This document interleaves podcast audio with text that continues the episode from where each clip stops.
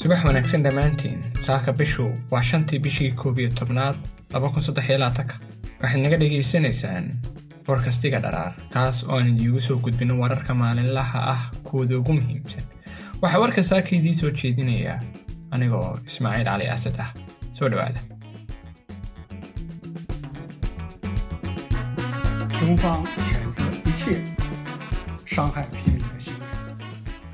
也反对任何违反国际法的做法。针对当前的严峻形势，中方认为当务之急，第一是尽快的停火止战，阻止战 dagaalka israa'iil iyo xamaas wuxuu noqon karaa baa layidhi caqabadii ugu horreysay ee diblomaasiyadda ee shiinaha ee bariga dhexe ka timaada taariikhda dhow tan iyo markii la bilaabay hindisaha waddada xiriiriga ah oo toban sanno ka hor ahayd saamaynta shiinaha ee gobolka ayaa si xawli ah kor ugu kacaysay taasoo ugu dambayntii bishii maarj ee sannadkan isku soo dhowaansho sacuudiga iyo iiraan ay dhex dhigtay beijing ama china.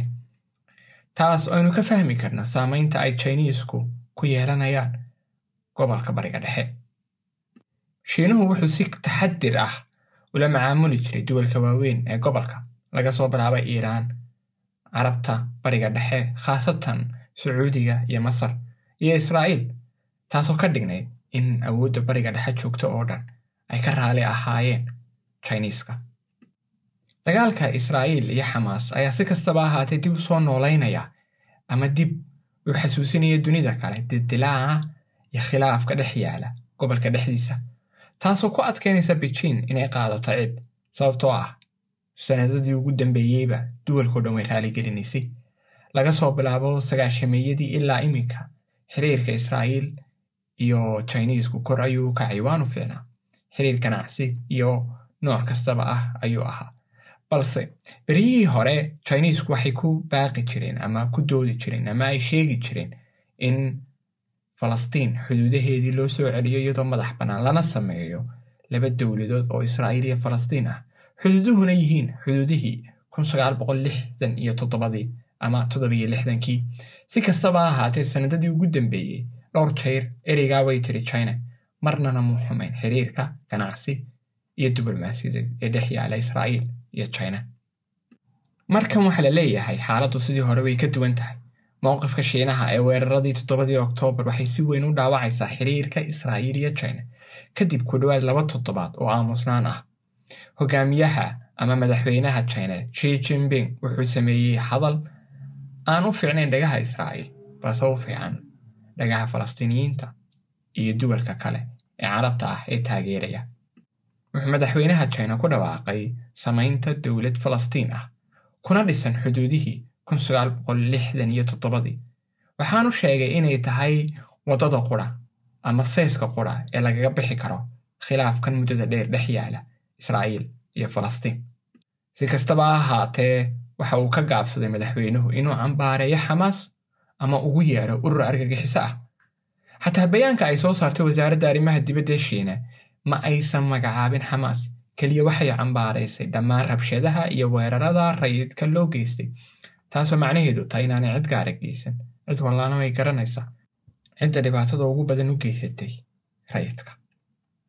Dhinaca kale israa'iil waxay sheegtay inay aada uga xun tahay inaanay cambaaraynin xamaas weeraradeeda jiniisku ama madaxweynaha china haddii loo fiirsado dhaqdhaqaaqan uu sameeyey jiniisku ee ah inaanu israa'iil si indhala-aan ah ama si dhammaystiran aanu u wada taageerin inkastoo hadalla diblomaasiyadeed ay adeegsadeen. Balse haddana waxaa la dareemayaa inuu dhinacii kalena xigo. Waxay ka dhigan tahay in faa'iido badan ama ka badan faa'iidada ay siinaysa israa'iil uu ka helayo dunida kale. Oaynu markan ku tilmaami karno bariga dhexe iyo bariga dunida oo dhan oo duwal fara badan iyo shucuubtu ka soo horjeedaan israa'iil. Waxa ay dhinaca kale tustay jiniiska ama ay tuseen jiniiska iyo ruushku. Qaabka reer galbeedku ay u isticmaalayaan laba wajiileen markii ay soo hordhigeen qaramada midoobay go'aanka xabad joojinta ah oo ay diideen ingiriiska iyo maraykanku. Diidmada ay diideen ingiriiska iyo maraykanku go'aanka xabad joojinta waxay dunida tusaysaa. Qaabka ay dunida ugu cadaadinayeen inay cambaareeyaan weeraradii ruushka ee ukraine. Sidoo kale waxay tusinaysaa qaabka ay laba weji u isticmaalayaan reer galbeedku. Wejina ay u isticmaalayaan duwalka iyagu ay taageersan yihiin ayna rabaan inay guulaystaan wejina u isticmaalayaan cidda aanay rabin taas oo jiniiska iyo ruushku markan soo bandhigeen ama ay dunida kale tusayaan. Taageerada uu taageeraya falastiin jiniisku markaa wuxuu rabaa in dunida kale kasbado jiniisku waxay dhowr jeer soo bandhigeen. Xal nabadeed oo falastiin iyo israa'iil la dhex dhigo laga soo bilaabo labadii kun ilaa iminka dhowr jeer bay soo bandhigeen balse marna muu helin. Taageero weyn.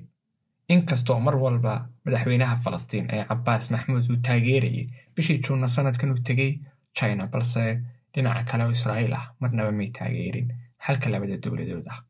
Kala qaybsanaantan iminka taalla ee caalamka o dhan kala qaybsan yahay waxay kor u qaaday sheegashada jiniiska ee ahaa nidaamka caalamiga ah in loo baahanya in dib loo habeeyo oo uu xaqlinayo dhinaca ay reer galbeedku rabaan. Taas oo sanadadii ugu dambeeyey china isku diyaarinayay naftiisa ama dalkiisa ahaan inuu noqdo mid ka mida hogaamiyeyaasha masraxyada siyaasadda. Waxay jiniisku soo bandhigeen isku dhacyada caalamiga inay dhexdhexaadin karaan sida dhacdadii ukrain oo kale ama dagaalka ukrain oo kale. Sidoo kale waxay soo bandhigeen horumarin dhinaca amniga iyo hindisiyaasha ilbaxnimada ah. Ujeeddaduna tahay in laga hortago nidaamka caalamiga ah ee reer galbeedku samaysteen ama u xaglinaya dhinaca ay reer galbeedku rabaan.